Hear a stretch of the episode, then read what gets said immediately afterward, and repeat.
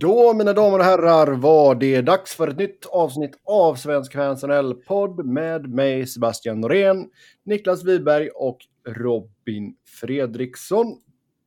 Vi fick ett svep i en av konferensfinalerna. Vi har 2-2 i matcher i den andra. Vi ska ta och snacka om dem såklart. Det har skrivits ett par kontrakt, fler tränare har fått sparken och det går lite rykten om diverse spelare. Så eh, det finns lite att snacka om den här veckan faktiskt. Så det är alltid roligt. Först ut, vem av er två skulle klara The Sprite Challenge? Vad är The Sprite Challenge? Man ska alltså svepa en halvliter Sprite utan att rapa. Man rapar ju mycket utan att dricka läsk så eh, det är svårt. Men, rapa efter eller vadå? Ja, alltså du... Om du ska, svepa den så kommer du ju... Ja, du ska ju hålla inne rapen så mycket som möjligt liksom. Uh, jag vet inte exakt vart tidsgränsen går. Och, um... För under svepningen rapar man inte. Alltså, det, det, är väldigt många som inte lyckas svepa en hel sprite. Uh, jag har sett diverse uh, försök här. ja, det, det, är inget jag brukar youtuba direkt. Hashtaggen Sprite Challenge har 500 miljoner views på TikTok. Ja, jag har inte TikTok heller. Jag har inte heller TikTok, men det dyker ju upp i typ Instagram och Facebook. Det är det som är så bra, för man behöver inte ens ha TikTok. Jag har inte Instagram och jag hänger knappt på Facebook. Vad är reglerna för Sprite Challenge? Det står att man ska dricka en hel flaska Sprite utan att, så fort man kan utan att eh, rapa. Men om Niklas rapar mycket som det, då skulle jag ju tro att han inte skulle klara det med andra ord. Eller så är det då man klarar det. Du känner att du, du har så kontroll över dina rapar? Mm. Ja, ja, ja, ja. Ja, vi tar väl och hoppar in i nyhetssvängen här och börjar med två kontraktsförlängningar. Först ut i Columbus så skrev han på en uh, tvåårsförlängning med Jack Roslovic. Fyra miljoner landar hans cap hit på. Ja. Mm, vad har vi att säga om uh, Jackie Boy? Lo local boy. Local boy, ja. Han är, från, han är från Columbus. Nej, men han han har väl växt ut det som... Eh, det är väl ett rimligt kontrakt för att det är vad han har blivit, eh, skulle jag säga. Mm. Det... Jag såg att de här projectionsen hade honom på ungefär 4 miljoner på två år också. De brukar ju vara allt mer accurate. Um, ja, sen är det väl alltid lite tax på att behålla en kille i Columbus, även om man kommer från Columbus. Men uh, ja. Jo, men det känns alltså som sagt, nu kommer han från uh, nytt personbäst med 45 poäng på uh, eh, 81 matcher. Liksom. Uh, det är ju inte så lite, av ett, ja, visa, visa vad du kan här kontrakten då. Eller visa att du är den här spelaren liksom. Um, så 4 miljoner, det känns väl helt okej. Okay. Ja, det är det väl. Man eh, ska väl visserligen ha i bakhuvudet att den här säsongen är sämre än förra säsongen sett till poängsnitt. Men det är väl kanske eh, Alltså det, det, det är väl enklare med en bra produktion över 48 matcher än över 81 matcher, tänker jag. Ja, ja. Mm. Sen eh, den andra förlängningen, det var Dennis Gurianov i Dallas. Där blev det ett år på 2,9 miljoner. Jag har ingen tydlig bild av honom riktigt som spelare, men... Eh, det är väl förväntat. Han hade ju... Var det när de gick till final? Var det, va? Ja, det var det. Då var han ju, då var han ju hypad. Ja. Bra bubbelslutspel. Mm. Eh, sen har det väl gått OK för honom. Typ. Det kändes som att den säsongen... Eh, jag vet inte, alltså, han var så jävla hypad i bubblan och det kanske har färgat bilden fortfarande. Men det känns som att det är väldigt tyst kring honom nu. Eller så är det bara för att man inte följer western lika, lika mycket i liksom, grundserielunken.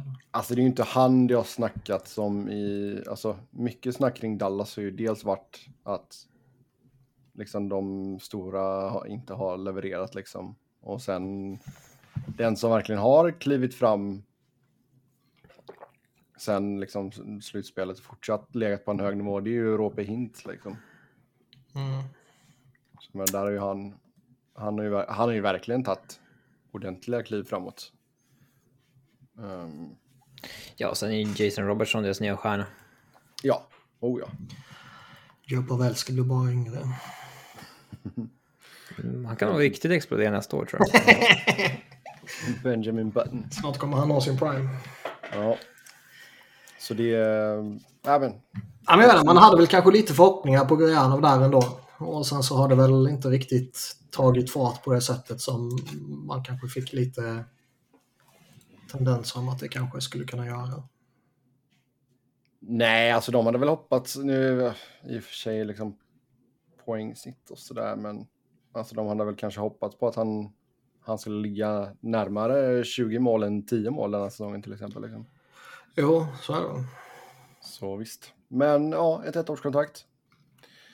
Så får väl han se till att eh, bevisa att han ska ha långt och bra betalt helt enkelt. Ehm, men lite av den stora grejen de senaste dagarna det var ju att Bruce Cassidy fick sparken av Boston. Så ännu en tränare ute på marknaden. Och många som höjde på ögonbrynen här. Alltså det är ju jättechockerande. Samtidigt så är det ju inte jätteoväntat med tanke på kommentarerna från jag kommer inte ihåg om det var Cam Neely eller Don Sweeney mm. eller båda två. Eh, som tar, om det var typ en vecka tidigare eller något sånt där, att eh, de inte var säkra på vad de skulle göra. Typ. Nej, det var Sweeney sa väl det att liksom att eh, Cassidys ja, hårda ton och liksom sådär, han ska ju tydligen vara ganska krävande. Eh, att det liksom hade tagit ut sin rätt. Men eh, alltså, jag tycker inte Boston ska vara missnöjda med sin säsong på något sätt. Uh, nej, nej, det ska de inte. Men det är intressant det där med uh, förr eller senare är det alltid dags för en ny coach. Ja. Men uh, de sex säsongerna han har haft A-laget så... Alltså de, de har ju varit bra varje år. Så jag har lite... Eh, lite svårt att förstå det när... Alltså kan man säga att man behöver en ny röst när resultaten fortsätter vara så himla bra? Jag tror att de har varit typ så här topp tre i expect goals alla hans år han har spelat. Eller alla, alla hans år han har coachat där. Mm. Vad är det en ny röst ska göra då som inte alltså, sker? Jag kan ju absolut eh, tycka, och det har jag ju nämnt tidigare liksom, under alla de här åren, att även bra coacher kan ha ett kort eh, shelf life. Eh, bra coacher kan ha ett väldigt långt shelf life också. Men eh, det skulle absolut kunna vara någonting i att Bruce Cassidy är en utomordentligt bra coach i fyra, fem år och sen så börjar det knaka lite känns konstigt att sätta den stämpeln på honom efter hans första jobb. Liksom. Ja, absolut. Ja. Och, och, jag, eh, jag kommer väl inte sitta här och, och liksom försvara Cam Neely och Don Sweeney direkt, men det skulle kunna vara en faktor. Eh, mm. Det tror jag absolut är en faktor bland många lite mer eh, intensiva eh, coacher. Så där, det, har, det har vi pratat om tidigare, det har man sett lite här och där. Med det sagt så framstår det ju ändå som udda att eh, man identifierar honom som problemet och eh, man kanske borde kolla sig i spegeln snarare. Jo. viskas ju lite om att hans eh, krävande stil är svår för unga spelare att... Eh, eh, ta, alltså, det är svårt för unga spelare att lyckas med så hög kravställning, men... Vilk, vilka unga spelare? Ja, de har ju inte haft några, eh, typ. Men det kan ju vara av den anledningen också kanske.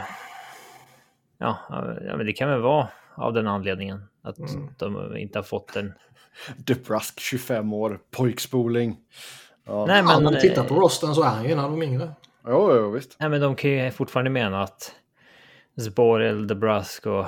Eh, alltså de spelarna inte har fått den utvecklingen som de borde ha fått. Nej, nej, nej. På grund av eh, Cassidy, att han inte har gett dem någon större roll någon gång. Typ. Eh, så kan det ju vara, men, Så kan det vara. Men alltså det är också en men det extremt... skiter man väl i om man är bra. Alltså liksom. Ja, men alltså det, är- det, är- det är väldigt konstigt. Alltså Boston går ju verkligen in med, med många frågetecken eh, under off-season här. Alltså, vi vet inte vad som händer med, eh, med eh, Bergeron. Eh, han skulle väl operera en armbåge här nu till exempel. Mm. Och liksom han har sagt ja, jag tar den tiden jag behöver liksom, för att ta ett beslut om det blir någon fortsättning, fortsättning eller inte. Liksom, nyckelspelare som kommer vara borta i början av säsongen. McAvoy, Eh. Marchand till december. Ja. Det är liksom de två viktigaste spelarna i hela laget. Och sen nu så kom det ju även eh, snack om att eh, David Pasternak kanske inte vill förlänga med Boston. Ja, Eh, han har ju kontrakt ett år till. De ska snacka i sommar om förlängning. Vill han inte förlänga så måste de trada. Och det är väl ganska naturligt. Det har ju kommit lite snack om att han, eh, han är inte helt förtjust i Don Sweeney. Han är inte helt förtjust i hur man hanterade Tory Krug och David Krejci och att det kanske eh, gör honom tveksam till en fortsättning nu. mm. Så Eh, alltså- Flu- Fluro Chinzava på The Athletic hade ju en artikel uppe. Ja, det skulle inte jag kunna uttala. Ja, ja nej men eh, så, så, så kan det ju vara. Även om spelare måste ju fatta att... Eh, eh, ja, att ibland så får de inte behålla sina polare i laget helt enkelt. Det kan fortfarande vara bra. Nej, så är det ju. Och jag kommer verkligen inte ihåg alla detaljer. För det var ju en halv evighet sedan Tory Krug försvann. Men det var ju lite uppseendeväckande hur det hanterades. Kommer jag, ihåg. jag kommer inte ihåg hur det var dock. Ja, och även lite med Chara också kan man nog säga. Jo, verkligen. Eh, men de där, de där tuffa besluten måste ju tas ibland. Eh, Men alltså samtidigt då så skulle Pasternak försvinna via, vi säger ju via trade då. ehm, då, alltså är det startskottet på en, en full rebuild här nu då? Alltså Sweeney hintade ju om att det typ skulle kunna vara ett alternativ. För jag Det menar, du brukar ju annars organisationer vara ganska... De, de orden vill de inte ta i munnen ganska ofta. Liksom. Nej. Samtidigt så är de ju i ett läge som, som vi sa nu där, säg att Patrice Bergeron hänger upp eh, skridskorna och Charlie McAvoy skulle vara borta två månader var det va? Och eh, Marchand en månad har jag för mig. På, alltså under inledningen. Mm. Eller om det var tvärtom. Det var en och två månader i alla fall. Eh, ta det med att Pasternak eh, liksom inte vill förlänga och man tradar honom mot vad som väl rimligtvis skulle vara futures.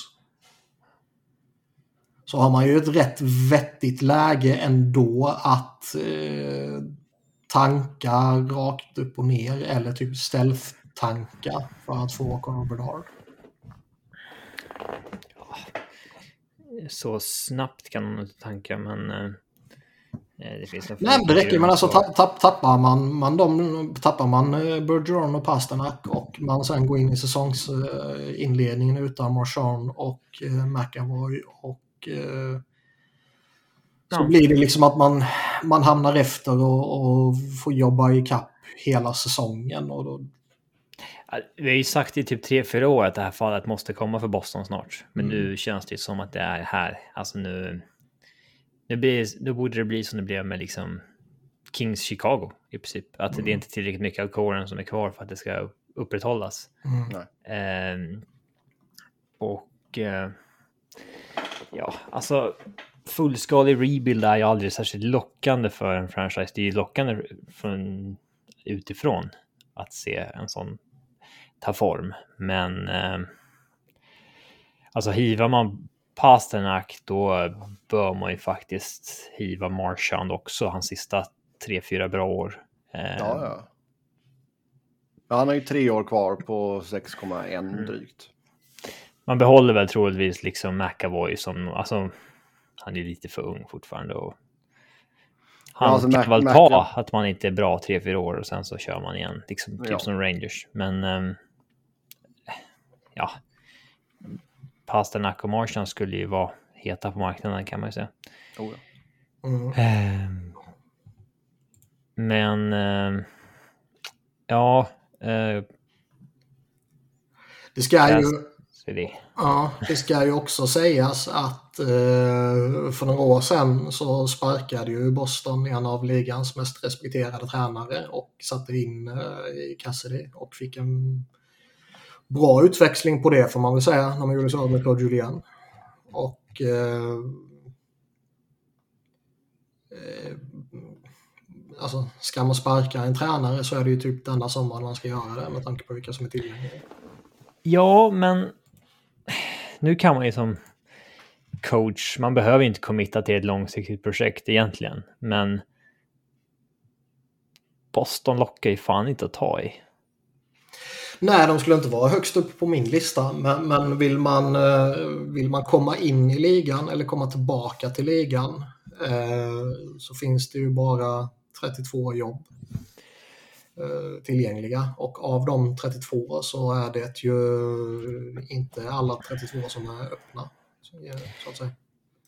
Nej, men vissa hade nog varit lite mer selektiva här. Alltså någon av de bästa tar ju inte Nej, så är det. Så. Liksom Barry Trotz och, och sådär är väl selektiv och jag kan tänka mig att eh, liksom Cassidy också är en sån som eh, inte hoppar på första bästa. Mm. Och ytterligare någon av alla de tillgängliga som finns nu också kanske.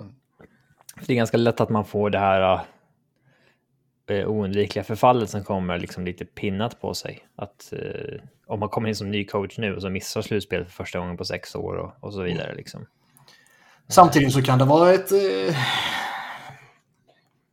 det finns ju, som vi har pratat om, väldigt mycket förmildrande omständigheter med skadorna och, och med mm. ja, hur det ser ut kring Bergeron. Det gick ju något rykte som jag tror Elliot Friedman sköt ner sen att eh, Bergeron ska hintat om att han inte kommer tillbaka om Gassi fortsätter. Ja, har han tappat gruppen då kanske det är det enda man kan göra. Mm. Bergeron spelande tränare. Det var ett tag sedan vi hade en sån. ja. ja. Men det ska, det ska ju bli jävligt spännande om, om det faktiskt ligger någonting i att eh, Pasternak inte vill förlänga och eh, liksom då måste de ju trada honom. Man, man, kan, det är definitivt en spelare man inte kan tappa utan ersättning. Sätta sig i en situation där man riskerar det är oförlåtligt. Nej, då försöker man ju trada redan i sommar med ja. liksom, alltså att man eh, säger att ni får förhandla om en förlängning, den som kommer överens får sen trada liksom mm. för honom. Eh, så att man inte skickar honom som rental liksom, utan ja, exakt. lite som Ottawa gjorde med Mark Stone, där, att mm. uh, sign and trade i princip. Ja. Uh, men uh, fatta också, han har bara 6,6 i cap hit. Skulle de liksom retaina hälften på ett år när de skickar honom? Då kan man ju skicka honom som rental. Ja, alltså då kan de skicka honom var som helst i princip så har laget ett år på sig att eh, reda ut hur de ska ha råd med honom till kommande år. Liksom. Ja, mm. Då skulle man kunna skicka honom var som helst. Eh, alltså, Tampa hade gjort vad som krävs för att lösa 3,3 mille på att ta in Pasternak liksom. Oh, ja. Vilket lag som helst. Toronto hade säkert lockats av den kreativa lösningen också. Tyvärr har ju inte Chuck Fletcher en kreativ lösning i sig känns det som. Ja, inte en bra kreativ Nej, det är väl sant i och för sig. Betalade ju för att bli av med Ghost och sådär, så det, det var väl kreativt, men... Japp. Sen eh, rapporter om att Jesse Puljujärvi kan ha gjort sin sista match i Edmonton. Vi kommer att prata mer Edmonton här om eh, en liten stund, men kan ju börja med eh, Purjolöken. Han är ju ett misslyckande, det kommer man ju aldrig ifrån. Han är eh, 24 bast och... Eh, Det lyfter inte. nej, exakt. Och då är frågan om det är han det är fel på eller om det är eh, organisationen, omgivningen eh, det är fel på. Eh, det är nog lite av båda. Men jag eh, skulle ju utan tvekan vara redo att ta en chans på honom. Sen är frågan vad man betalar för honom. Jag skulle inte betala dyrt för att ta en chansning på honom. Men, eh, Det känns som en second rounder och en okej prospect eller ja, någonting. men typ något sånt. Och det är ju frågan om Edmonton nöjer sig med det med tanke på eh, ja, men draftposition och hela köret. Jo, men det, den får man ju för fan glömma nu liksom. Ja, men det hänger kvar länge. Det vet vi alla. Jo, men han gick som nummer fyra för sex år sedan. Ja, men sånt hänger kvar jättelänge, det vet vi. Mm, men det börjar nog ändå bli skarven där det inte spelar så stor roll längre. Ja, kanske. Men eh, ja. ja, det kommer väl alltid ryktas om en sån kille liksom. Ja, det är väl... Ja, så är det väl. Det känns väl lite som att... Eh, Ska vi ta Edmonton off-season? Ja, vi, vi väntar lite med den. Um, det var mest det att det hade kommit upp rapporter här. eh, faktiskt. Och sen, men jag tyckte att, eh, vad är det han heter, Jay Fresh. Ja, La ju ut en, några grafer där på honom. Eh, allt man behöver. Nej, det är inte allt man behöver. Men det, det kan ju hjälpa till lite. Skönt, så slipper man kolla på matchen. ja, men grejen är, alltså, det, det finns ju någonting i honom. Ja. Ja. ja. men jag vet inte om det är, det är liksom... Ja, alltså jag vet inte om det är så här... Det är inte så att man tittar på honom och tänker att wow, det här, bara han får alla pusselbitarna på plats och... Eh, Jag vet inte. Nej, så är det ju. Det känns väl ändå som att eh, det är väl ändå rimligt att Edmonton börjar, eh, om man inte redan har gjort det, så nu börjar liksom ge upp honom. Oh, ja. ja, vi kommer kolla mer på Edmontons offseason här om några minuter. Men först, Claude Giroux sägs, sägs vilja förlänga med Florida. Han, eh, Mm. Han tyckte vädret var bra, han tyckte inkomstskatten var bra och låg. Ja, det är väl inte så märkligt att det, det är väl ganska logiskt att säga. Att han...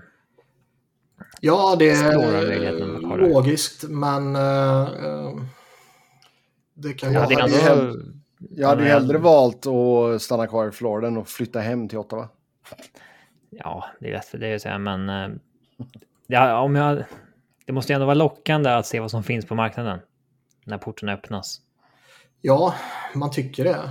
Ehm, Fast de kanske vet exakt vad som kommer finnas, bara att det inte är officiellt. Jo, så är det väl kanske. Men jag tycker alltså Florida, det, det har vi också pratat om tidigare. De har det inte helt lätt till sommaren nu. Väldigt eh, mycket pengar uppbundna redan och eh, eh, rätt många spelare som behöver lösas för att bara få en full roster. Mm. Så det, mm, jag menar de, de kommer väl tappa mig som Marshment. Ja, Och eh, tappar man honom så kanske man känner sig eh, liksom tvingade att säkra upp någon annan och då är det väl Drew i så fall. svårt att veta vad han vill ha för lön, Hero. Ja, det har vi också pratat om tidigare. Det känns som det kan vara allt från 3 miljoner till 7 miljoner. Mm. Um, sen undrar man ju som vanligt om det ligger någonting i, i det här klassiska att uh, vi betalade många tillgångar för att få in uh, både han och Ben Sherraw för den delen. Och uh, har man betalat så mycket för dem så vill man liksom behålla dem. Ja, få ut mer än att det bara var en rental-period. Ja. Speciellt när det inte gick något bra. Um, så det, ja, nej, av uppenbara anledningar så tycker jag det ska bli väldigt spännande att se vad som händer med honom. Jag har ju... Du måste väl släppt det här att han skulle vara aktuell för att komma tillbaka till Philly va? Ja, jag var på väg att säga det innan du eh, sa det med en väldigt eh, nedvärderande ton riktad mot mig. Att, eh, jag har väl landat i liksom slutsatsen att den där... Eh, kapitlet är över. Det kapitlet är över och... Eh, den båten har seglat. Ja, man kan eh, sluta hoppas om man... Eh, om man alltså det är fortfarande tudelat bland Flyers-supportrarna om man vill att han ska komma tillbaka eller inte. Det planet har lyft. Mm. Så det, det, har man ju landat i liksom att det kommer inte ske. Och sker det så känns det ju bara som att det är en bonus i så fall. Liksom. Den racerbilen har lämnat depån. ja. Men det känns som att Florida står väl högst upp på hans lista och sen kommer väl eh, Ottawa någonstans rätt högt upp också med tanke på att det är hem för både han och frugan. Och, eh, ja. Det hade varit kul om han eh, gjorde den här... Um, det tåget har lämnat stationen. om han liksom var lite mera... Att han gjorde de här ettårssatsningarna mot kuppen nu. Typ skriver ett år med Tampa härnäst och sen så nej men fan det gick inte. Kör ett år med Colorado. Alltså liksom den här riktiga eh, cup chasing grejen. Det hade varit kul. Mm. Men då lite som vi snackade med Pasternak också kanske att vi, vi glömmer ju att spelarna ibland är människor och de kan ha stadgat sig någonstans med familj och sånt där som de tycker Ja, de har liksom en, eh, vad fan har de, en tvååring och en ettåring eller vad fan det är de har. Ja, man kan inte flänga... Ja, i och för sig, då kanske det är mer lämpligt att flytta en gång, en gång om året än om de hade varit i skolålder liksom. Jo, Men, det är ju sant i och för sig. Ja, om de inte kör homeschool. Mm. Men... Uh, han, han pratar ju lite om att uh, liksom det skulle vara skönt att kunna stanna på ett ställe. Så jag, jag tror inte han lockas av, av ditt förslag. Mm. Så är det. Mm. Um, men ja, nej, det... Um... Just nu känns det som det blir förlängning med Flora. Ja, det lutar väl lite åt det. Och jag menar, vill man jaga kuppen så tror jag ju fortfarande att det är ett... Uh... Ja, good place to be. Ja. Kanske bara skriva ett år. Kan mm. ju tradas om det går åt helvete. Mm. Men det finns ju lite den, eh, vad säger man, den lilla... Um, brasklappen att man liksom inte riktigt vet vad, vad Florida tar vägen också. Jag tror ju, som jag har sagt tidigare också, att de kommer nog fortsätta vara bra. Liksom. Deras core är, är bra och de har, har bra spelare runt omkring, även om de rimligtvis kommer tappa en eller ett par nu. Men um, det finns ju ändå en viss osäkerhet. Man vet fortfarande inte vad som händer med coachen till exempel. Ge det tio minuter eller ytterligare några dagar. Sen kanske Florida är på marknaden efter någon av de här stora coachnamnen. Och eh, då är de nog rätt attraktiva igen. Oh ja. mm. Sen har vi Chicago testar marknaden för alla förutom Patrick Kane, Jonathan Taves och Seth Jones. Så jävla bakvänt. Det är väl eh, med hänsyn till att de har eh, klausuler. Ja, visst, men vad fan. Men man borde ju jobba, Seth Jones får man väl bara tugga i sig liksom. Ja, men exakt. Kane och Toews borde man ju jobba på rätt hårt för att uh, få något för. Ja, det är inte så att de verkar vara så uppenbart uh, jättenöjda över att vara i Chicago heller. Nej. Så vad, what's the deal liksom? Ja, exakt. Sen är väl i och för sig frågan om man, eh, om man får mest för dem nu eller vid deadline. Taves måste ju ha någon form av redemption-år för att det ska få något eh, där tror jag. Alltså av värde. Mm. Att han kommer från en säsong med 37 poäng. Det... Vem vet? Han måste nog ha ett bra år, retaina hälften, då kan man nog skicka vidare. Alltså under säsong mot något bra. Men um, Kane kan man ju såklart få Kings ransom för idag. Det tycker man ju. Ja. Det kan Eh, verkligen alltså, jumpstarta franchisen på nytt. Att, eh, ja, att de är bra igen om två, tre år om de skulle få igenom en sån.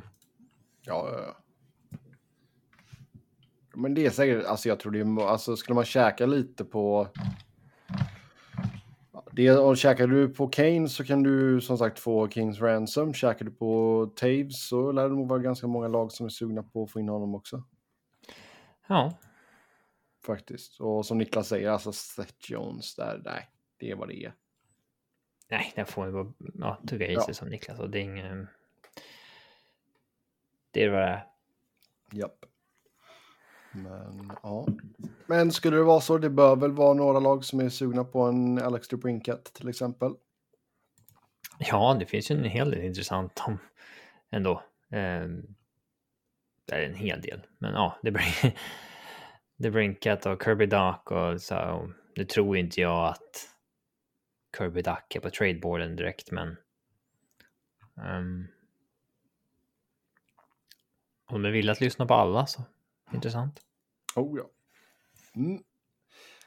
Sen så, eh, om ni inte har hängt med så, det, Evander Kane och San Jose har ju, eh, ja, Kane filar ju en grievance mot San Jose. Och det kan vara så att eh, Sharks måste hedra hans kontrakt om det skulle vara så att de eh, förlorar caset mot, mot sin före detta spelare. Ehm, och det här kan bli lite eh, struligt, minst sagt. Har du en bakgrund Sebastian? Vad, vad handlar det här om? Ja, Evander Kane, ehm, ja, vad har han inte Han gjort? hade ett kontrakt med San Jose. Ja, De hävdar Alltså- han är ett rövhål. Vi river kontraktet. ja, för bland annat så ska han ju typ förfalskat covid-papper och grejer. Ja, exakt. Men de ansåg att de hade rätt att Ja, han är helt enkelt brutit mot för mycket regler så skit så att eh, de kunde riva kontraktet utan följd. Och lite som Kings gjorde med Mike Richards för en, ja, snart tio år sedan. ja det är länge Ehm, sedan. Så det har vi glömt. Ja. Eh, det är väl det senaste exemplet, typ. Mm. På när ett lag gjorde Jag har inte glömt den fasansfulla eh, behandlingen av en sån hjälte. Eh, men eh, ja, nu ska ju en neutral arbitrator bestämma om San Jose hade rätt att göra som de gjorde. Annars så kan det här kontraktet åter reinstatas så att säga. Mm. Och ja. Det vore ju intressant. Det kan man minst sagt säga. Och, eh, Jag har hört folk säga så här, men vill ens någon part det? Vill San Jose det? Vill Kane det? Och så här, ja, Kane vill ha kvar sina sju mil tre år till. Alltså det. Det Ja, alltså ju han är alltså han, ja exakt. Nej men alltså han är ju, då, Sharks skulle ju, vad är det, 19 miljoner i, alltså, i, i faktiska pengar liksom. Ja, eh, det är ju pengar han vill ha såklart. Ja. Skulle det- den. Ja, det får han ju inte längre. Av någon annan. Nej. Ett intressant scenario skulle ju vara, och jag tror det var Friedman som slängde upp det som en fundering, typ att om, om, eh, om kontraktet, eh, om, om det kommer fram till att man måste hedra kontraktet, han eh, tvingas tillbaka till Jose så att säga, kommer Edmonton trada för honom då? Det är inte omöjligt. Måste ju Sharks käka en del. Ja, alltså man tycker ju i normala fall ja. Men eh, det är ändå Edmonton vi pratar om. Ja, men de har väl inte råd med det typ. Ja, det får de väl lösa då. Alltså de verkar ju vara eh, väldigt förtjusta i honom bara för att han gjorde sina mål. Ja, alltså han har ju fungerat jättebra. Eh, Dreisaitl var ju ute och hyllade honom liksom och, och, det är ju på ett sätt eh, förståeligt. På ett annat sätt är det ju sånt som gör att sådana här dårar liksom kommer fortsätta få vara relevanta. Är det nu vi tar Oilers off-season eller?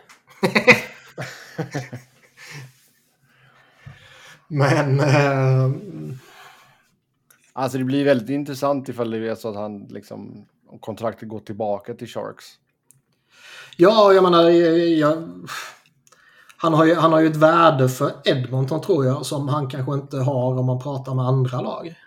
Just med tanke på vad han gjorde för dem så tror Ja, jag att han kommer vara lite mer värderad där än bland andra lag. Även om det är många andra lag som, som kommer hålla honom högt också. Ja, ja, jag tror absolut att, han, alltså att Edmonton är, är sugna på att signa upp honom om det skulle vara så att han förlorar caset. Ehm. men det, är ju inte, det kommer inte vara på några 7 miljoner uh, i capita liksom. Det kommer det inte vara. Nej, det blir det väl inte. Så, men det skulle väl sätta, ska vi se, ja det skulle ju sätta San Jose skiten också, rent capmässigt. Ja, men de eh, köper väl bara ut i så fall. Eller tradar retainat. Mm. Men ja. Ja, de kommer nog lösa det på något sätt. De eh, bör väl... Eh, Kane kan ju ha ett intresse som vi sa av att få tillbaka det kontraktet med tanke på alla pengarna. Eh, men eh, han bör ju inte ha något intresse att komma tillbaka. Nej, nej, nej, herregud. Verkligen inte. Ja, sen står det här, vill vi säga något om Tim Peel? Vilken dåre. Man ska inte fylle-tweeta. Nej, men det skickar ju en liksom... Sättet han har betett sig på sociala medier och sådär sen han slutade döma. Eh, det skickar ju ändå en, eh, vad ska man säga? Wake up call kring att det är människor som dömer som kan vara dumma i huvudet. Alltså. Att de kan ha agendor mot vissa spelare specifikt och så vidare. Mm. Det, det verkar ju uppenbart finnas. Man trodde ju att man vill ju hoppas att NHL är på den nivån att sådana personer har fallit bort längs vägens gång Mm. och inte tagit sig till världens bästa liga som domare. Eh, Men uppenbarligen inte. Nej, och eh, alltså han, han har ju dessutom varit öppen med att liksom han typ är polare med aktiva spelare och sitter och bettar och gamblar med dem typ. Mm. Ehm, nej, alltså den, den... Nu kanske inte han är representativ för eh, alla domare, men det är liksom ändå den bilden som som sprids nu och som exponeras och det är ju en otroligt skadlig bild för ligan och för eh, domarkåren. Ja. Verkligen. Försökte väl rädda lite ansikte här nu och hy- hyllar eh, PK Subban här. Efter att han vann eh, King Clancy. Ja. Nej, men det- alltså det är, jag menar så hela den soppan med Kadri liksom det. Han, han börjar jiddra med random supportrar och grejer på Twitter liksom och ja, fel på honom. Liksom. Ja. Ordentligt stolligt faktiskt. Ja, då tar vi väl och eh, kliver in i slutspelet här, konferensfinalerna. Eh, först ut då Colorado sveper Edmonton 4-0 i matcher, trots att man inte hade försvaret att hantera McDavid och Draisaitl. Alltså det är ju, jag, jag, minns inte om jag tippade sex eller sju matcher. Jag för mig jag tippade sju. Jag eh, hade ju inte en tanke på att ett svep skulle vara aktuellt överhuvudtaget. Alltså, Dreisaitl och McDavid var ju för heta för det skulle vara möjligt. Mm. Typ. Mm. Eh, så, så kändes det ju. Men sen hade du, du vi fick ju en galen första match. 8-6 blev det ute i Colorado. Ja, Ja. där Darcy Kemper skjuter ut sig själv också och säger att eh, jag kan inte stå. Nej. Jag ser ingenting typ. Nej. Ehm, och... Jaha, byt, jag tyckte du sa skjuter ut, jag fattade ingenting. Men nu, nu... Ja, sköt ut sig själv. Sa du sköt? Ja, ett uttryck. Är det? Mm. Det tror jag inte. Det är någon jävla Stockholms uh, skit du håller på med i så fall. Jag tror, jag tror du eh, är oförskämd mot mig. Ja, gud. Eh, nej, men i vilket fall som helst. Och, men det kändes ändå som att trots att de vann den matchen, alltså alla snackar ju om att ja, men så här kan vi inte spela för det, det kommer inte hålla liksom. Um, Avs eller Edmonton? ads. Och Ja. sen så fick man ju verkligen fason på det defensiva. Du vinner med 4-0 i match 2, sen 4-2 i match 3. Med reservmålvakt i mål. Ja. Och sen blir det lite mer eh, Hakon Bacon i match 4 och Colorado vinner med 6-5 i sadden. Liksom. Det är ändå, fascinerande att man, eh, man släpper in sex mål i en match, fem mål i en annan match och man sveper motståndet. Ja. Ja, jag tittade upp det att Avs har... Eh, de har fått 90,1 procent av sina målvakter hittills. Alltså så nära 90 flat som man kan vara. Om man har gått 12-2 i slutspelet. Det ska ju typ inte gå. Alltså för att gå 12-2 så måste du ju ha liksom elitmålvaktsspel. Eh, men ja. Alltså. Det var väl inte så förvånande att Ävs vann de första två matcherna hemma. Eh, sen var man lite nyfiken när ni skulle tillbaka till Edmonton och eh, hur eh, Woodcraft skulle hantera eh, hur han skulle matcha Ja, ja, visst. McDavid Dreisaitl. För att in, om han skulle försöka få bort dem från Taves McCarr. Mm. För där hade ju de problem. Det, det enda han hade i fickan var ju liksom att han skulle att han delade på McDavid och Dreisaitl och det är väl ganska rimligt så. Ehm, men det är ju svårt att undvika att spela mot Taves McCarr när de spelar 30 per match liksom Oh, ja. det, det är ju svårt. Ehm, men, ehm, och sen så, många var inne på det här att eh, då borde de inte liksom aktivt försöka matcha så att McDavid spelar mot Jack Johnson och Josh Manson, typ. Eh, det backparet. Men samtidigt, alltså, ska Oilers ha en chans att slå ut Colorado så måste ju McDavid producera mot deras bästa spelare. Och sen så Ja, så är det. Sen så får liksom Puljujärvi kanske försöka thrive mot Jack Johnson-paret eller någonting. Eh, Du, du ska inte behöva sätta dina... Nej, och sen det, Så- alltså, det, är ju, det är ju svårt att alltid försöka liksom, ha det i bakhuvudet också. För jag menar, vad spelade en Jack Johnson? Vad snittade han per match? Eh, ja, runt 10 minuter. Mm. Han, eh, han fick ju mycket istid under grundserien, men det märks nu när det är slutspel att det är lite mera... Eh, ja, det är, toppar laget lite mer. Eh, och det är väl rim, rimligt liksom. Mm. Eh, men ja, Nej, jag tycker det, det är ju sjukt starkt av Colorado att göra detta, speciellt liksom med tanke på skadan på, på Kadri och... Ja, han försvinner i match tre. Efter en minut, första bytet. Um, får vi se om han kommer tillbaka så. eh, Det det är klart Det det snackas om att han eh, kan komma tillbaka till finalen. Ja, jag vet inte. Han, han har ju opererat tummen. Han har opererat tummen liksom. Ja, men alltså... eh, Stödskena och grejer. Mm. Ja, ja. Men... En eh, bra slash och så är den av igen. Ja, synd om honom. Vänta två veckor till att laga den och köra på i en final för fan. Ja, nej, Jag, det- jag, alltså, jag tycker det är lite... väl att, lite, eh, jag, jag, jag har aldrig spelat så liksom, jag, jag vet ju inte hur, hur liksom greppet på klubban och, och allt sånt där kan fuckas upp och, och puckkontroll och allt sånt där. Men man tycker ju liksom att det är även en, en kadri med liksom begränsad förmåga att typ skjuta och dribbla och sånt där borde ju ändå vara mer användbar än vissa av det liksom ersättarna som är aktuella.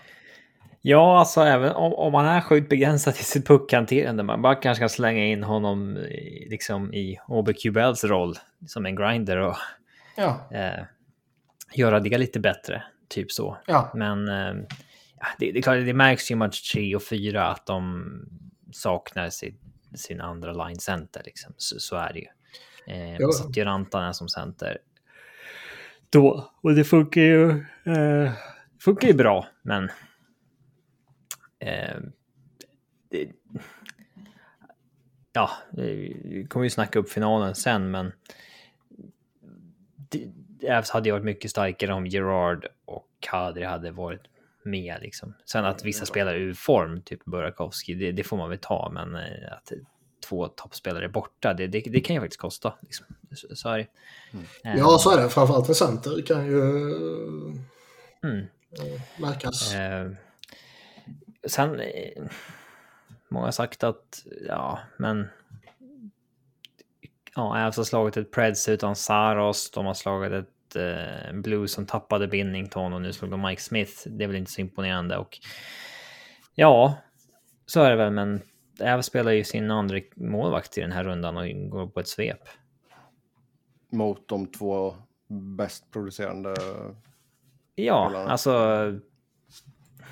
Det är inte så att Ävs har haft själva. De har väl Nej, så är det. Sen är det ju... målvaktsspel. Sen är det väl en, en oundviklig spaning att göra när man har gått upp mot de målvakterna du nämner och finalmotståndet kommer vara antingen Vasilevski eller Storken. Mm, så är det. Ehm, det har också varit intressant att se. Alltså, Darren Helm var ju jätteanonym i grundserien. Han har varit så anonym på nivån att vissa liksom kända hockeyjournalister hade typ glömt att han existerade. Det är alltså så här, eh, och Andrew Cogliano hade ju eh, underliggande statistik som sa att han var duktigt washed up liksom. Det fanns inget kvar i tanken där. Ändå intressant att se när slutspelet börjar att de veteranerna har en växel till som de liksom inte pallat bry sig om Mm. i eh, grundserien för att det, ja, men det kanske är svårt att tagga till under 82 långa matcher när man också ser att laget kommer gå till slutspel komfortabelt. Det, ja, Framförallt det, det, kan man ju kanske veta också att okej, om jag börjar gasa på här i omgång 25 så kommer jag bränna ut mig själv i... ja, man känner nog sig själv ganska bra i den åldern. Ja. Liksom. Och, ja, men det är intressant att se att de, ja, de har inte haft några liksom, jättesäsonger, men när slutspel börjar så har de visat att det finns, finns mer där än många kanske trodde. Mm. Eh, och att man ja, kanske man kan ha, ha i åtanke i framöver att det, det kan vara så. Liksom. Ehm, Mm. Men i övrigt så eh, laget ser ju hur bra ut som helst. Man fire on all cylinders och och man har också haft en jäkla liksom, balans i att de matcherna som ehm, de matcherna som eh, spetsen inte har klivit fram, just de matcherna har man fått eh, att ja, Nitushkin eller JT Comfort har klivit fram. Att det är i rätt lägen som djupet har tagit över så att säga. Mm.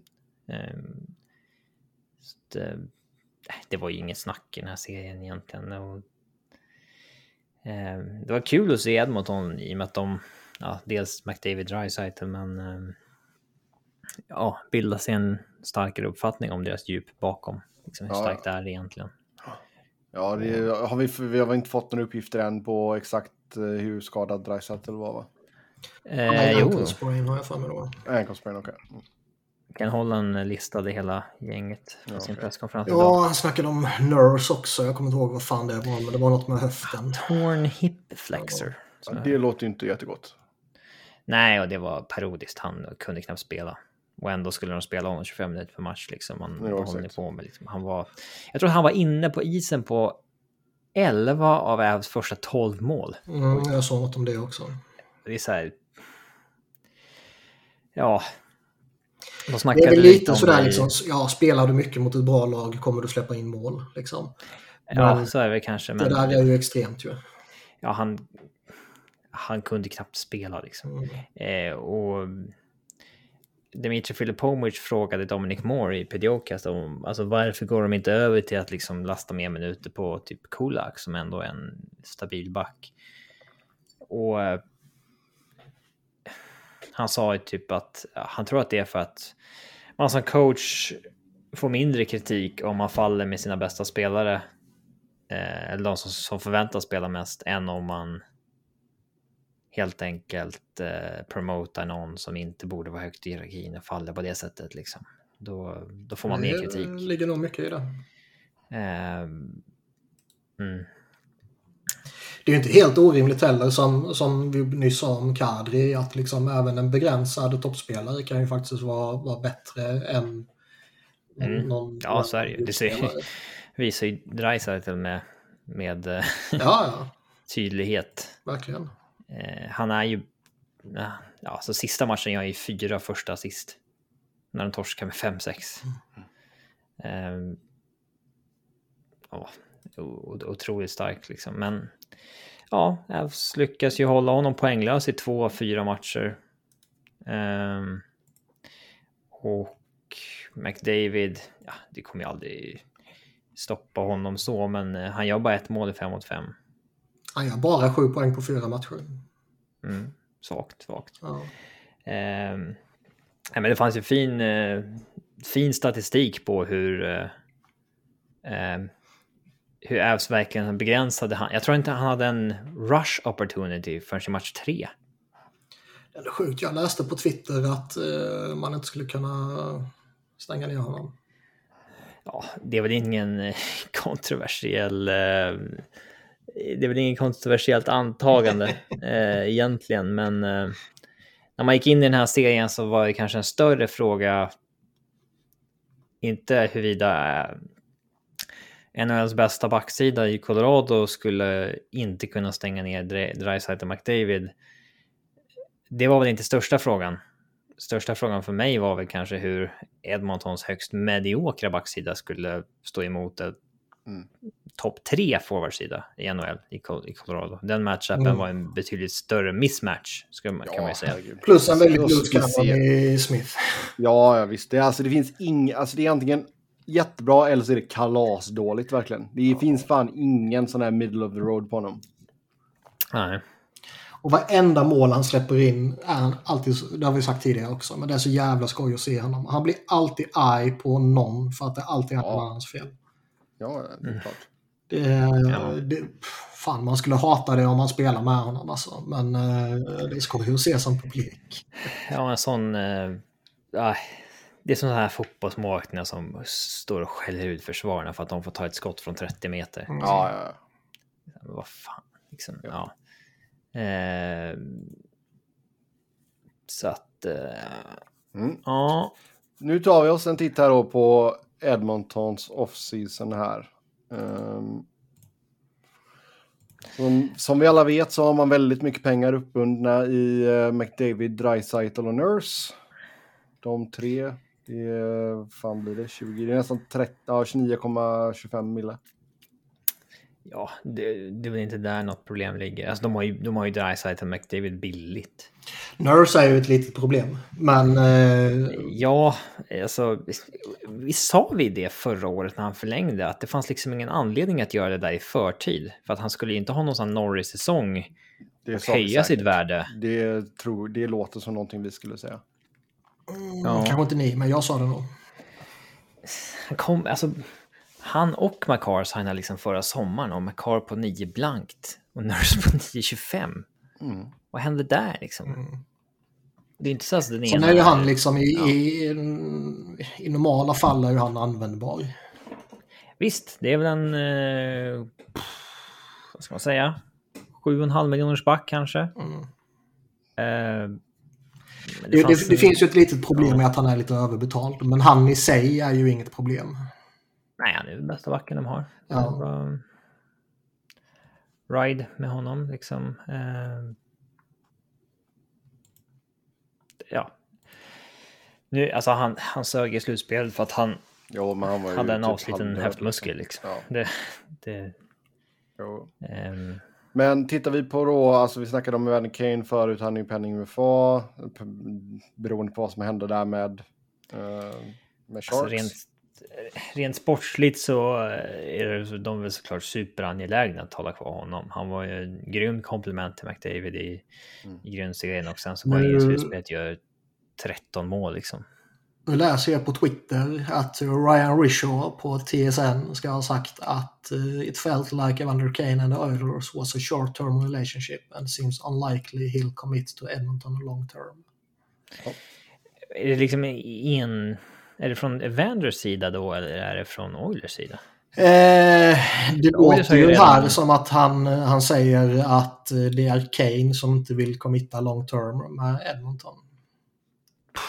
Alltså, jag menar, alltså det, det, behöver, alltså rent strategiskt behöver det inte vara dumt att, att signa eh, med Edmonton som han gjorde den här säsongen och liksom veta att okej, okay, nu kommer jag få en jävla monstermöjlighet med McDavid och eller Dreisaitl och eh, boosta upp sitt värde som satan och sen hitta någon uh, uh, annan möjlighet som man kan gå och lockas med. Det tycker jag ju... Så ser vi till att stänga av ljudet på våra telefoner också när vi spelar in. men, men, det tycker jag det kan ju vara strategiskt väldigt smart och eh, även om McDavid och Dreisaitl har en väldig dragningskraft så tycker inte jag att organisationen som helhet borde ha det. Nej. Men alltså frågan är ju också liksom, vi pratade om det tidigare, jag menar, Evander Keynes drömscenario rent pengamässigt är ju att kontraktet går tillbaka till San Jose. Ja, om man bara tänker pengar. Det borde det vara. Om det inte är någon sån där konstig... Eller ser du att något lag slänger upp fem gånger fem för honom nu liksom? Man vet ju aldrig. Det finns alltid galna GMs där ute. Jäklar vad han lär pusha Men... för sign-on-bonusar. Men alltså jag vet inte om, om det kan finnas någon sån här konstig liksom att eh, hur, hur um, uppgörelsen ser ut med exfrun. Om det liksom är att uh, hon, uh, hon har rätt till ett uh, antal procent av hans inkomst och då kanske man ja. på ren djävulskap inte vill ha så hög inkomst under den perioden. Jag vet inte. Känns ju som en person som skulle kunna ha lite grudges. Oh ja. Det känns konstigt när liksom... Eh, han har ju blivit liksom omtyckt i Edmonton snabbt för att han har kommit in och gjort mycket mål och sånt där. Ja, ja. Eh, och eh, från Edmontons sida så har ju de redan, de har ju redan bite the bullet så att säga PR-mässigt och tagit smällen. Mm. Ja, det blir väl inte rimligtvis värre av att förlänga med honom nu. Nej, det är ju lika liksom de sålde ju sin själ till djävulen när säsongen höll på att barka åt helvete och tog in Kane. Mm. Eh, och eh, ja, alltså det gav väl effekt liksom. Så, så är det ju, men eh, det känns konstigt att de inte skulle fortsätta förhållandet. Så. Eh, för att det, alltså, det är en bra spelare. Det är det. Mm. En ny första målvakt måste väl in i alla fall. Man har ett år kvar på Mike Smith, 2,2 miljoner. Koskinen Han har ju inte committat till att spela vidare. Konstigt i och med att han var så jävla angelägen om att få det tvåårskontraktet förra året. Mm. Han har högre lön det här året också än mm. fjol. Mm. Men visst, det är marginellt sett till vad han har tjänat i sin karriär. Mm. Ja, så är det väl. Man, man tycker ju också att um 40 bast. Man har eh, precis slitit sig igenom ett slutspel som är jobbigt för liksom alla, men givetvis än mer jobbigt för en 40-åring. Då är det, och det sen slutar det med liksom lite förnedring så här, då är det ju rätt rimligt att man eh, kanske måste känna efter både fysiskt och mentalt. Mm. Men en ny målvakt måste ju in. Ja, alltså. Krass hade det väl kanske varit bra för Edmonton om Smith fortsatte och de bara behövde signa en. Mm. Han är väl ändå någon form av eh, ja, garant känns konstigt. Ja, men han skulle ju kunna vara en backup i ett år liksom. Visst.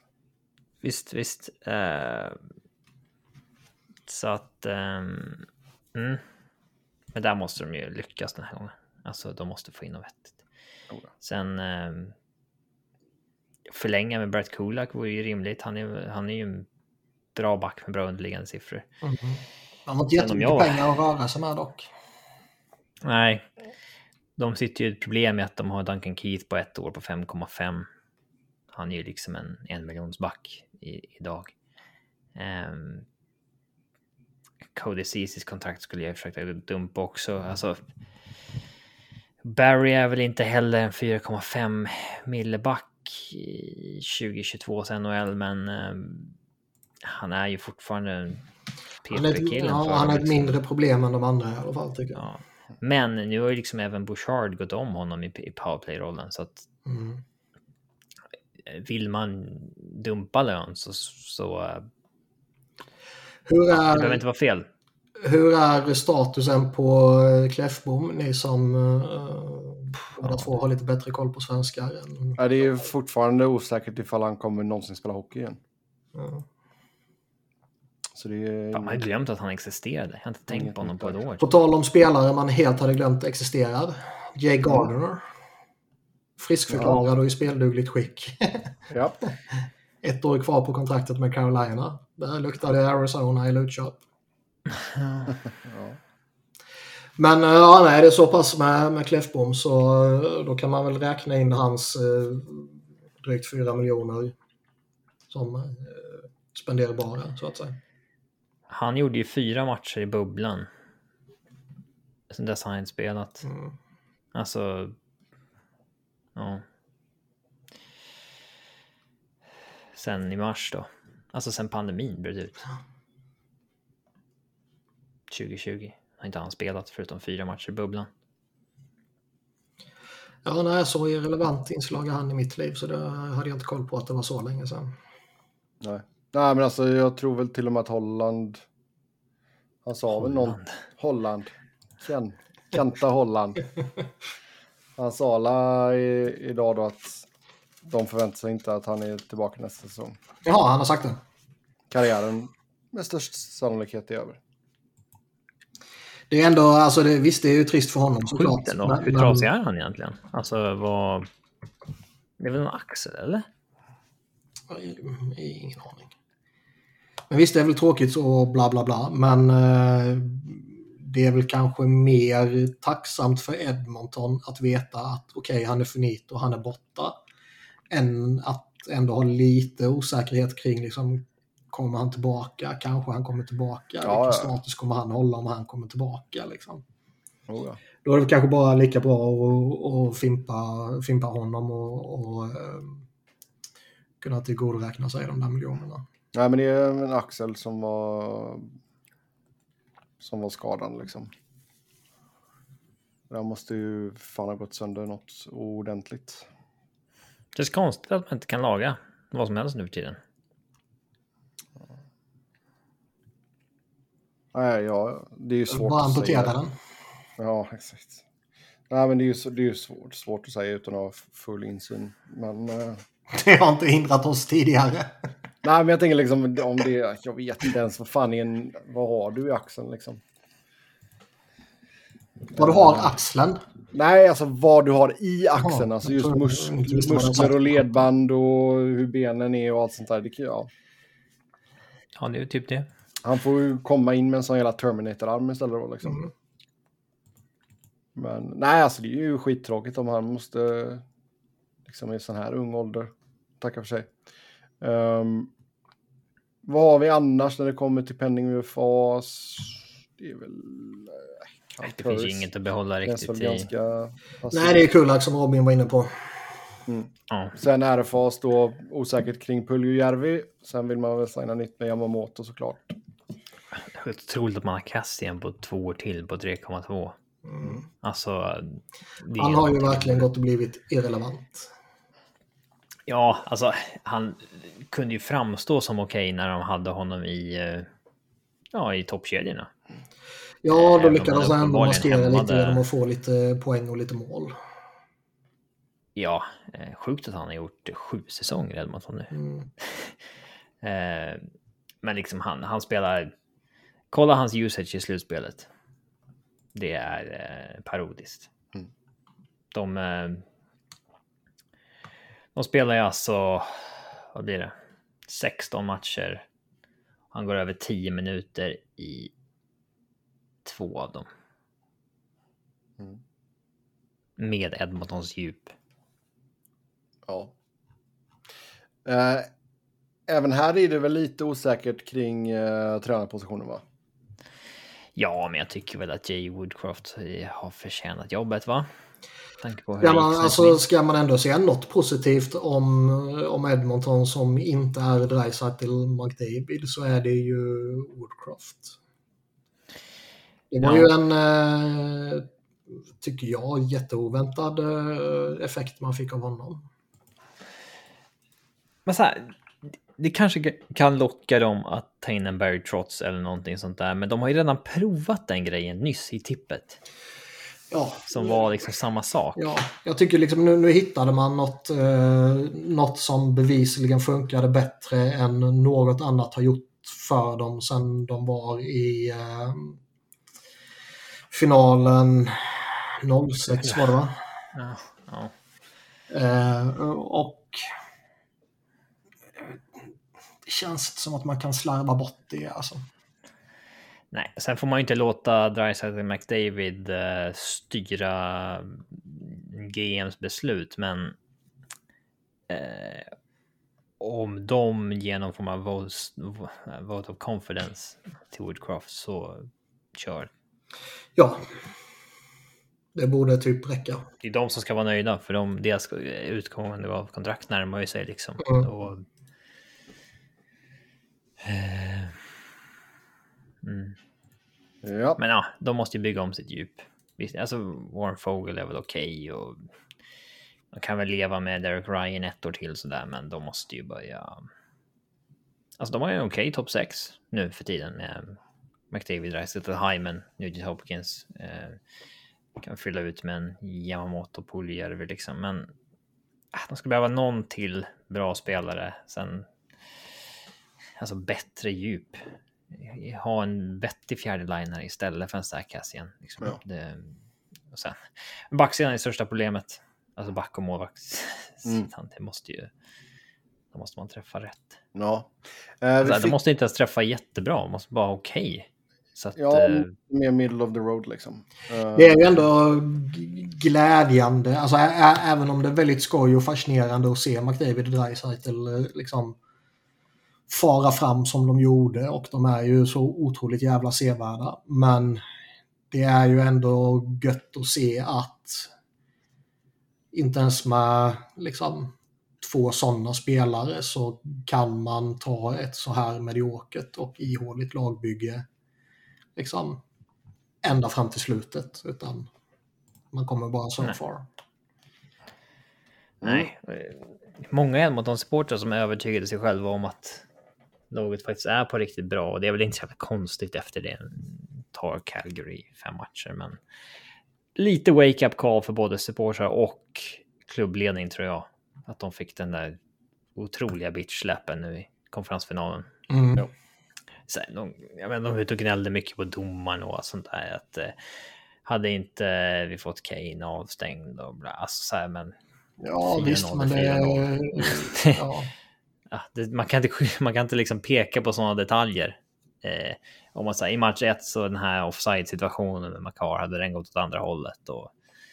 Eh, Ja, den, den kan man väl argumentera fram och tillbaka. Inte för att jag pallar göra det, men, men eh, den känns ju inte som att den var liksom...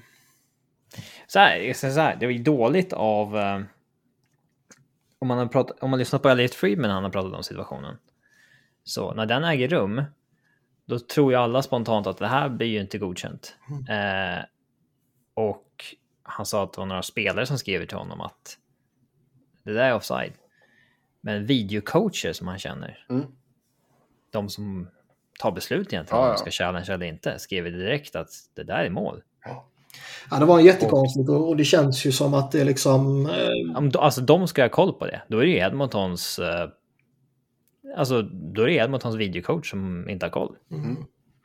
Men det känns ju ändå som att det är en situation som, eh, eh, vad ska man säga, som eh, det fanns, ju, det fanns ju liksom ingen enad uppfattning förutom bland videobedömare då. Eh, Mm. Det var ju väldigt, alltså väldigt domare och, tillbaka, eh, som. Och då, då, det är väl i så fall ett... Då är det väl regelboken det är fel på. Att det är Ja. någon, någon otydlighet eller någon felaktighet. Alltså videocoacherna som har mer och mer blivit liksom lagets interna domare som ska ta beslut om sånt här var ju överens om att det där var inte offside och domare på Twitter, Jackson och Peel och skit skrev ju direkt att det där är inte offside. Då är det väl så liksom. Mm. De har väl ändå koll på det liksom. Ja, det är ändå Tim Pill du hänvisar till. Mm. Eh, Det blir lite mer Edmonton här sen när vi kommer till lyssnarfrågorna. Nu tar vi och går över till serien mellan Tampa Bay och New York Rangers. Där står det 2-2 i matcher efter att lagen vunnit sina hemmamatcher. Otroligt tacksamt att Tampa har hämtat upp det här.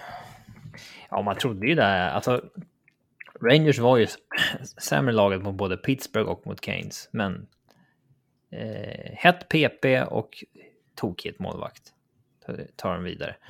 Men eh, alltså. Sen går de ju ut och alltså när de tar två raka mot Tampa hemma.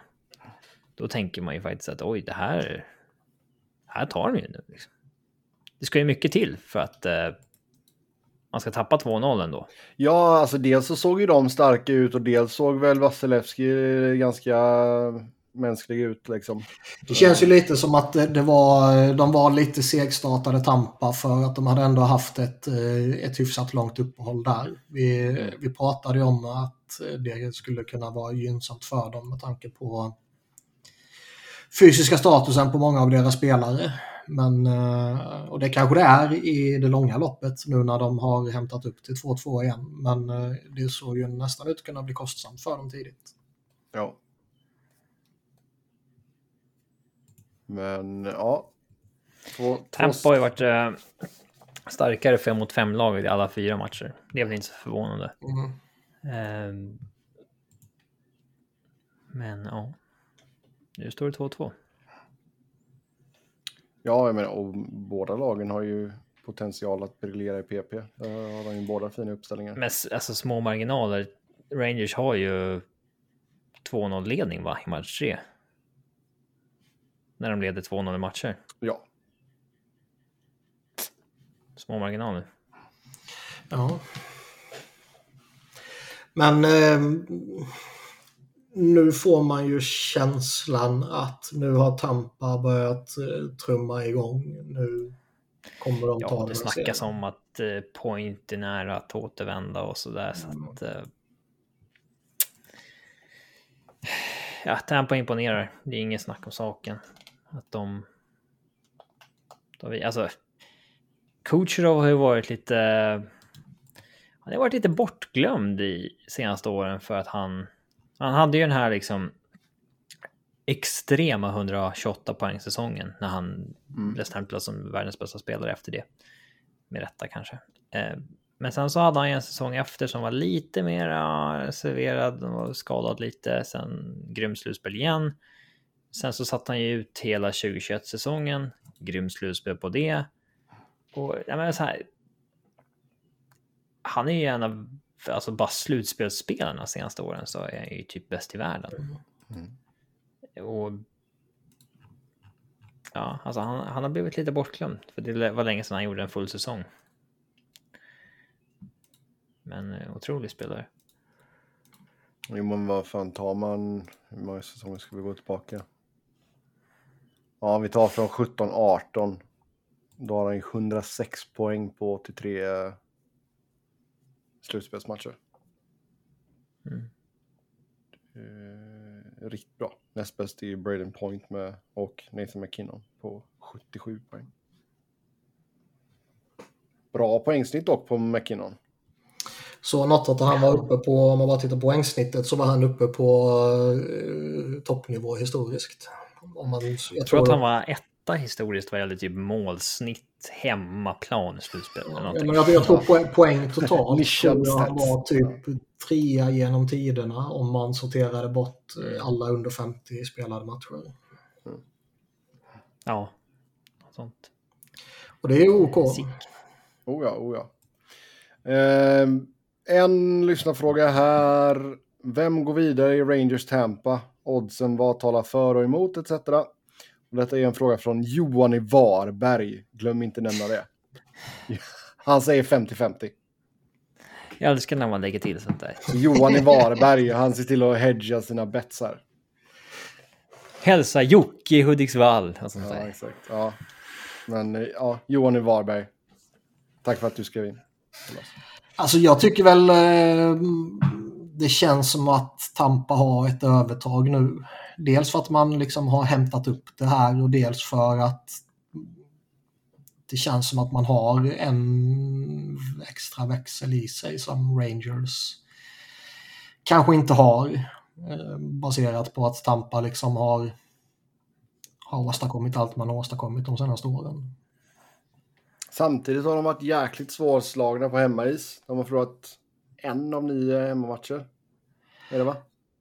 Den förlorade de i sadden. Ja. Men eh, Tampa har gjort det förr. Nej, men lite så. Alltså ska man betta på någonting här så är det ju liksom, då är det ju Tampa man bettar på. Med tanke på allt de har åstadkommit och om det nu skulle vara så att Point kommer tillbaka också så... Nej, äh, jag, jag tycker det... Vad är det man säger? Spela ans ansvarigt, Sterling.se. ja. uh, jag, jag, jag, tycker bara det, det känns som Tampa har liksom hittat det igen. Och då mm. är de svårstoppade alltså. Jag tycker Rangers... Ja. Um... ja men sen gör det du gör i de här, alltså du, du kommer inte så hem med 0-2 i röven. Du är utan point. Mm. Du gör några, liksom, du gör lite justeringar, du spelar kanske lite enk enklare och rakare än vad du kanske brukar göra på hemmais. Uh, liksom få med dig det och liksom nu 2-2, ja, nu game on igen liksom. Det tror fan att uh, Tampa kommer till Manhattan med en bra känsla. Det är absolut.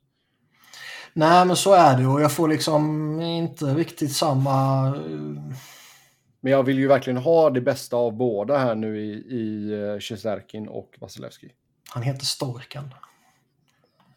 I den här ja, vi kan säga hans namn en gång så att vi liksom establishar det och sen kan man kalla honom för Storken resten. Ja. Nej, men alltså det är klart, typ Sebaniad har ju drivit på Rangers riktigt bra och de har liksom Panarin och, och Kreider, de har Fox och de har Truba som kan sätta sin prägel. Och det finns ju lite sparkapital i kopp i den här matchserien och det finns ytterligare lite sånt där. Men jag vet inte, man har inte, man har inte samma känsla kring dem eftersom de, de har inte åstadkommit något tidigare. Nej. Skyttel gick ut skadad sist, Strom eventuellt borta också. Mm. Det, det, har inte Rangers djup råd med. Nej. Reeves spelar ju liksom. Han blir ju duktigt bortgjord på Tampas första mål sist liksom. Mm. Det, han spelar ju nästan 10 minuter per match. Det, det håller ju inte. Mm. Vi har match 5 där natten till fredag, svensk tid. Mm. Det vore inte bra om Rangers går till final alltså. Det är jobbigt. Ja, då... Å andra sidan, som vi har sagt tidigare. Vem vill man ha om ni hade hållit på Avs? Eh, om jag hade hållit på Avs så skulle jag ju vilja ha Rangers. Mm. Men det är också lite så här, ja. ja. Man vill ju slay the dragon ändå. Jo, absolut. och, och eh, båda kommer väl med sina utmaningar och som jag var inne på tidigare så är det också så att eh, det är ju undvikligen så att målvaktsgrejen blir en grej. Ja, ja. Eh, nu går man upp mot någonting man inte har gått upp mot tidigare oavsett vilket motstånd man kommer ifrån. Men jag skulle ändå ha en större respekt och, och rädsla för Tampa just med tanke på vad de faktiskt har åstadkommit tidigare. Än, än ett Rangers som... Eh, Borde de inte vara lite mätta, Tampa? Eller är det, liksom, det är för mycket nytt folk ändå? Ja, är- det är väl lite så. det är lite nytt folk. Man, man spelar för någon som... Pat Maroon Ja, tycker det är för kul att vinna. Ja, nej, men liksom man spelar väl för, som de själva har pratat om och som, som vi också har pratat om mycket kring Chicago, och sådär, att man spelar för eh, nya veteraner som jagar den sista eller den första kuppen. Ja. Ja, och sen nu hade de pratat lite om det också. Då, en av deras assisterande var ju inte med här nu senast, så de hade...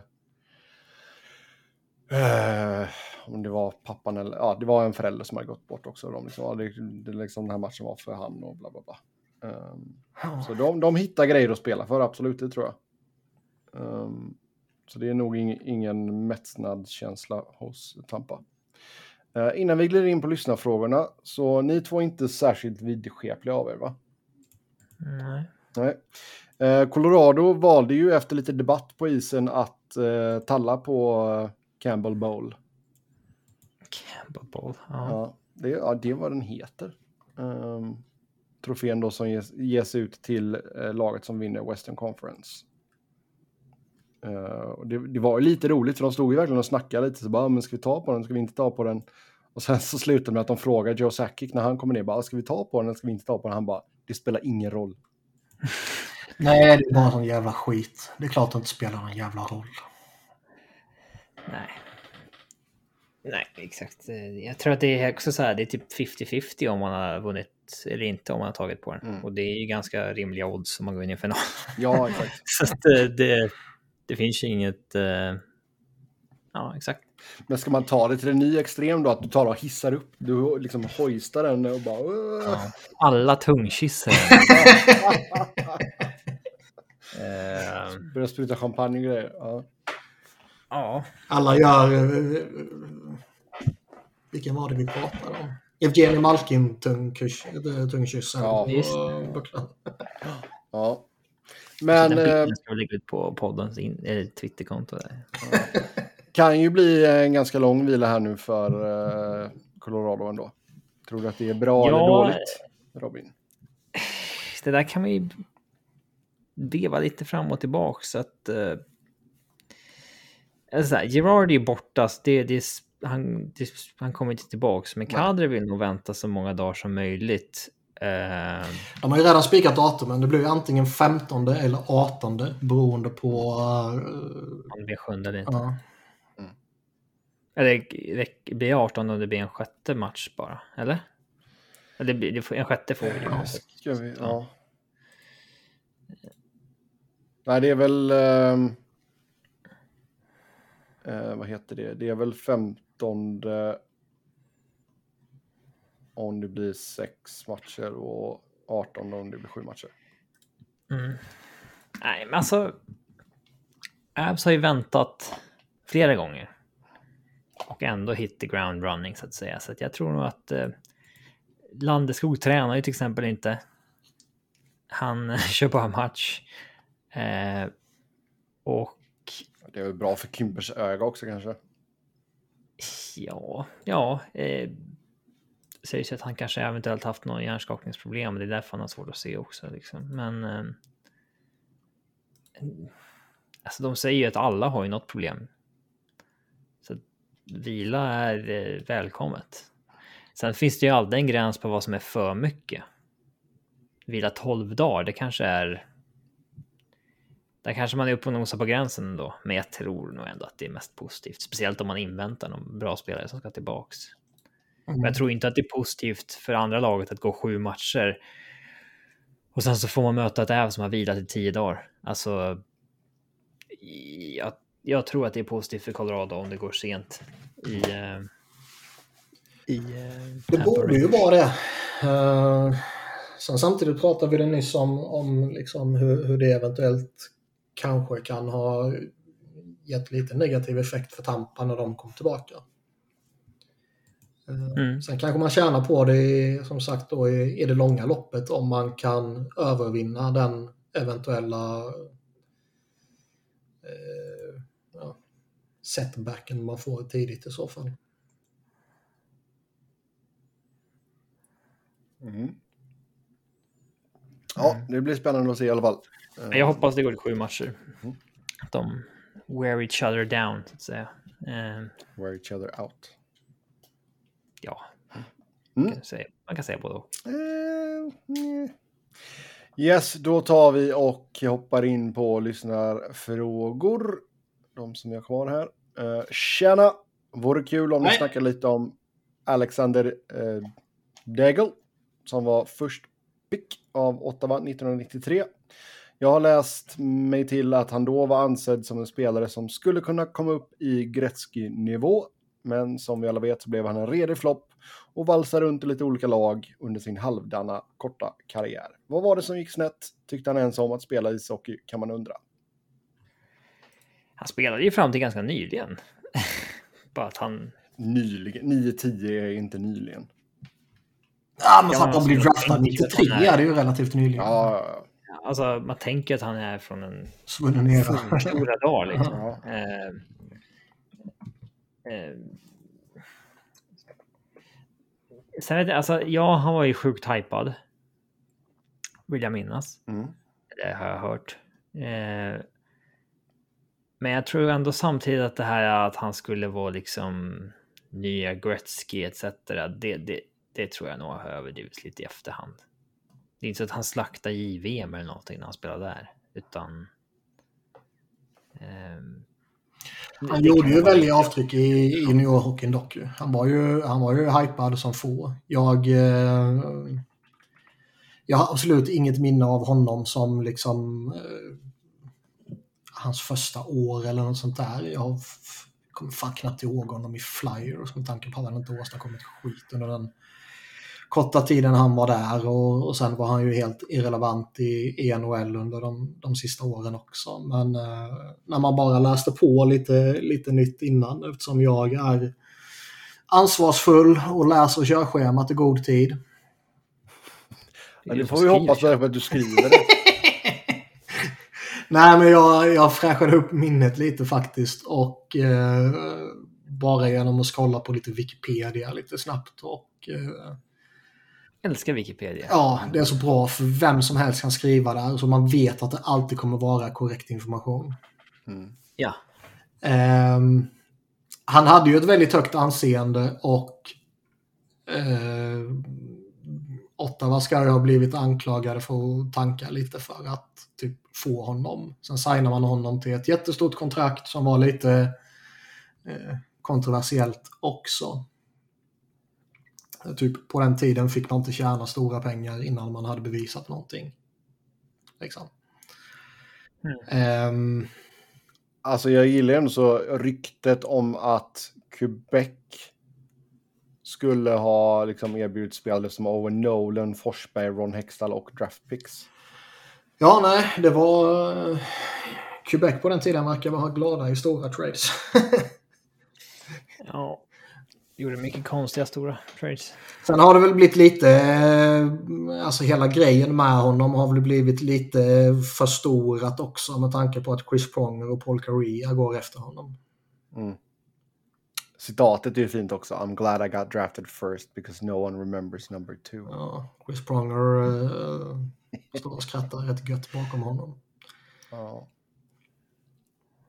Men sen floppade han. Han, eh, han var, gjorde väl okej inledningsvis och sen floppade han och eh, de tröttnade på honom när eh, andra överglänste honom och skickade honom åt helvete. Och sen så ja, gick det bara fel. Sen höll han, höll han, tog han ett uppehåll i ett par år mitt i allting och kom tillbaka till NHL bara.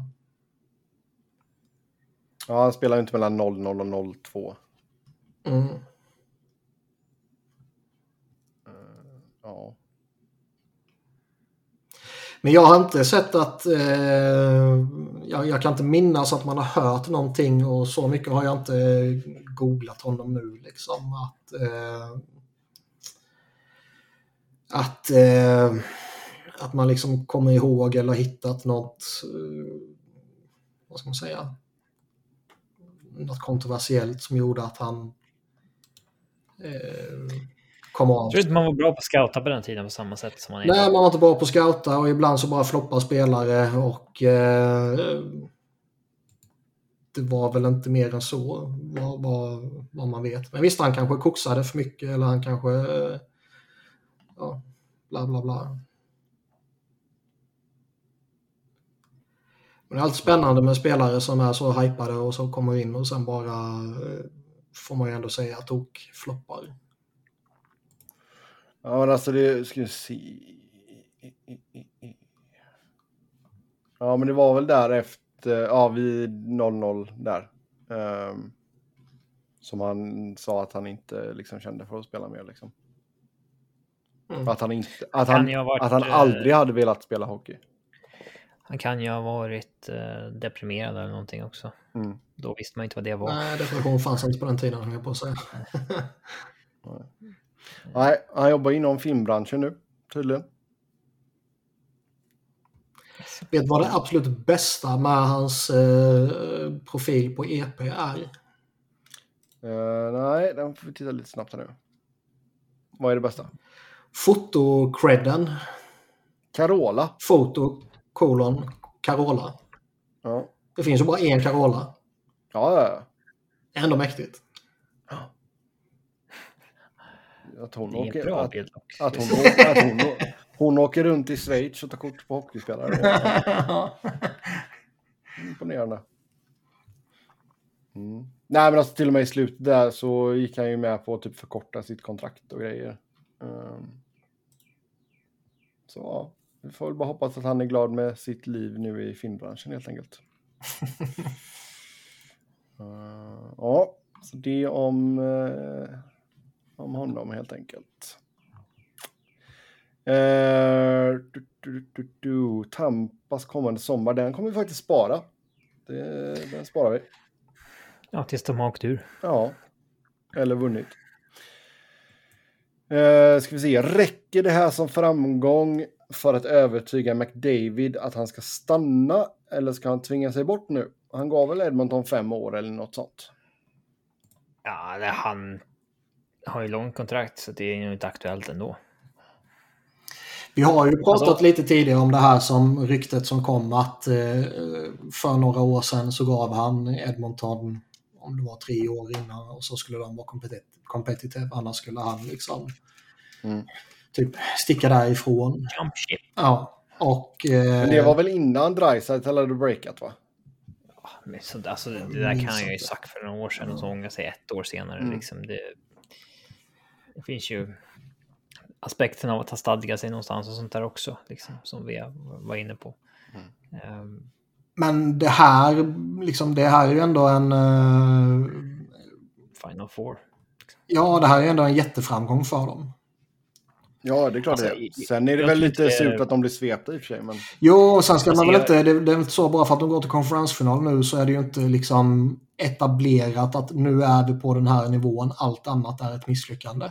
Nej, Jag tror inte att de... eh, Alltså säg att de missar slutspelet med 20 poängs marginal kommande två åren. Då kanske det är aktuellt. Men det ska mycket till för det. Nej, de två kommer väl mer eller mindre bära dem till slutspel på, på egen hand. eh, I den divisionen dessutom. Och eh, känslan är ju ändå att den här prestationen kanske skapar mer vilja att liksom göra om det och göra det bättre än frustration över att typ det var bara vi två som gjorde någonting. Vad fan. Mm. Nu skiter jag i det här. ja. Då, då känns ju ändå, och lite som han pratade också efteråt, så känns det ju mer som att det är typ okej nu kommer kom vi hit, det var gött, vi har inte åstadkommit ett skit. Nästa år ska vi göra det fan så mycket bättre. Han har ändå gått till eh, slutspel två år i rad. Mm. Ehm, visst, man... Eh, man... Eh, bubbelslutspelet om man räknar tre år i rad. Eller, men det gör man ju inte riktigt. I och med att de åkte ut i åttondelsfinalen, om man ska säga. Mm. Ja. Mm. Sen eh, till fråga här kring Edmonton. Eh, Oilers har ju en grym spets framåt, men i mina ögon svängdörrar i försvaret. Tror ni de skulle ha haft chans på kuppen med en målvakt i klass med Vasilevski? Ja, det hade väl ändrat allt. Ja, eh, så är det väl. Eh, däremot så har de ju ett kappläge som gör att de eh, inte kommer ha möjlighet att skaffa sig en sån målvakt om man inte får någon sån via egen draftade spelare eller tradar till sig någon ung som breakar sen. Ja, vad har de i systemet? Eh, kan inte säga att jag har någon koll på deras... De dumpade han ryska målvakten idag. Han som hade varit så jävla bra i KL och kom över och spelade AHL i fjol. Mm. Eh, Kono... Konovalov. Mm. Mm. Men eh, alltså det, det är väl deras det är väl deras möjlighet till att hitta den målvakten om man inte eh, på något sätt lyckas fynda någon på free agency som oberäknelig målvakt som plötsligt bara går in och är ligans bästa. Nej, men alltså, de behöver väl någon som är liksom lite above average men som är stabil samtidigt också. Du kan inte ha den här liksom loose cannon Mike Smith-grejen liksom. Eh, Man undrar ju i och för sig kanske borde de gå efter Alexander Georgiev. Ja, så det är väl någon sån där han får försöka på. För eh, han kan ju inte vara kvar i Rangers alltså. Han kommer visserligen få en ganska medioker säsong. Jo, absolut. Mm, Men, Det kan ju eh, vara positivt egentligen för honom. ja. Jo, men det är väl något sånt eller försöka... Jag vet inte hur, hur rädda man är för att försöka fynda i, eh, i Europa igen efter Koskinen-debaclet. Ja, De anser väl inte vara ett debacle liksom. De fick väl en NHL-målvakt. Tre, fyra, fem år liksom. Det...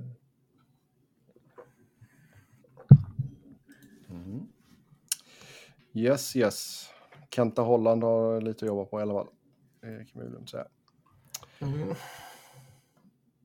Mm, ja, det var väl det för idag om inte ni har någonting annat. Vi kan prata Flyers coachjakt om Nej, det. behöver vi inte göra. Eh, som vanligt ska ni köta hockey med oss via Twitter. Mig hittar ni på att Noren, verifierad. Niklas Wiberg hittar ni på ja, att Niklas Wiberg. Niklas med C, Wiberg med enkel V. Robin på R underscore Fredriksson. Podden på SV Fans NHL-podd, podd med ett D. Och just nu så är det en bild på Malkin som är ute. Har vi pinnat den? Det måste vi göra. Tills nästa gång. Ha det gött. Hej.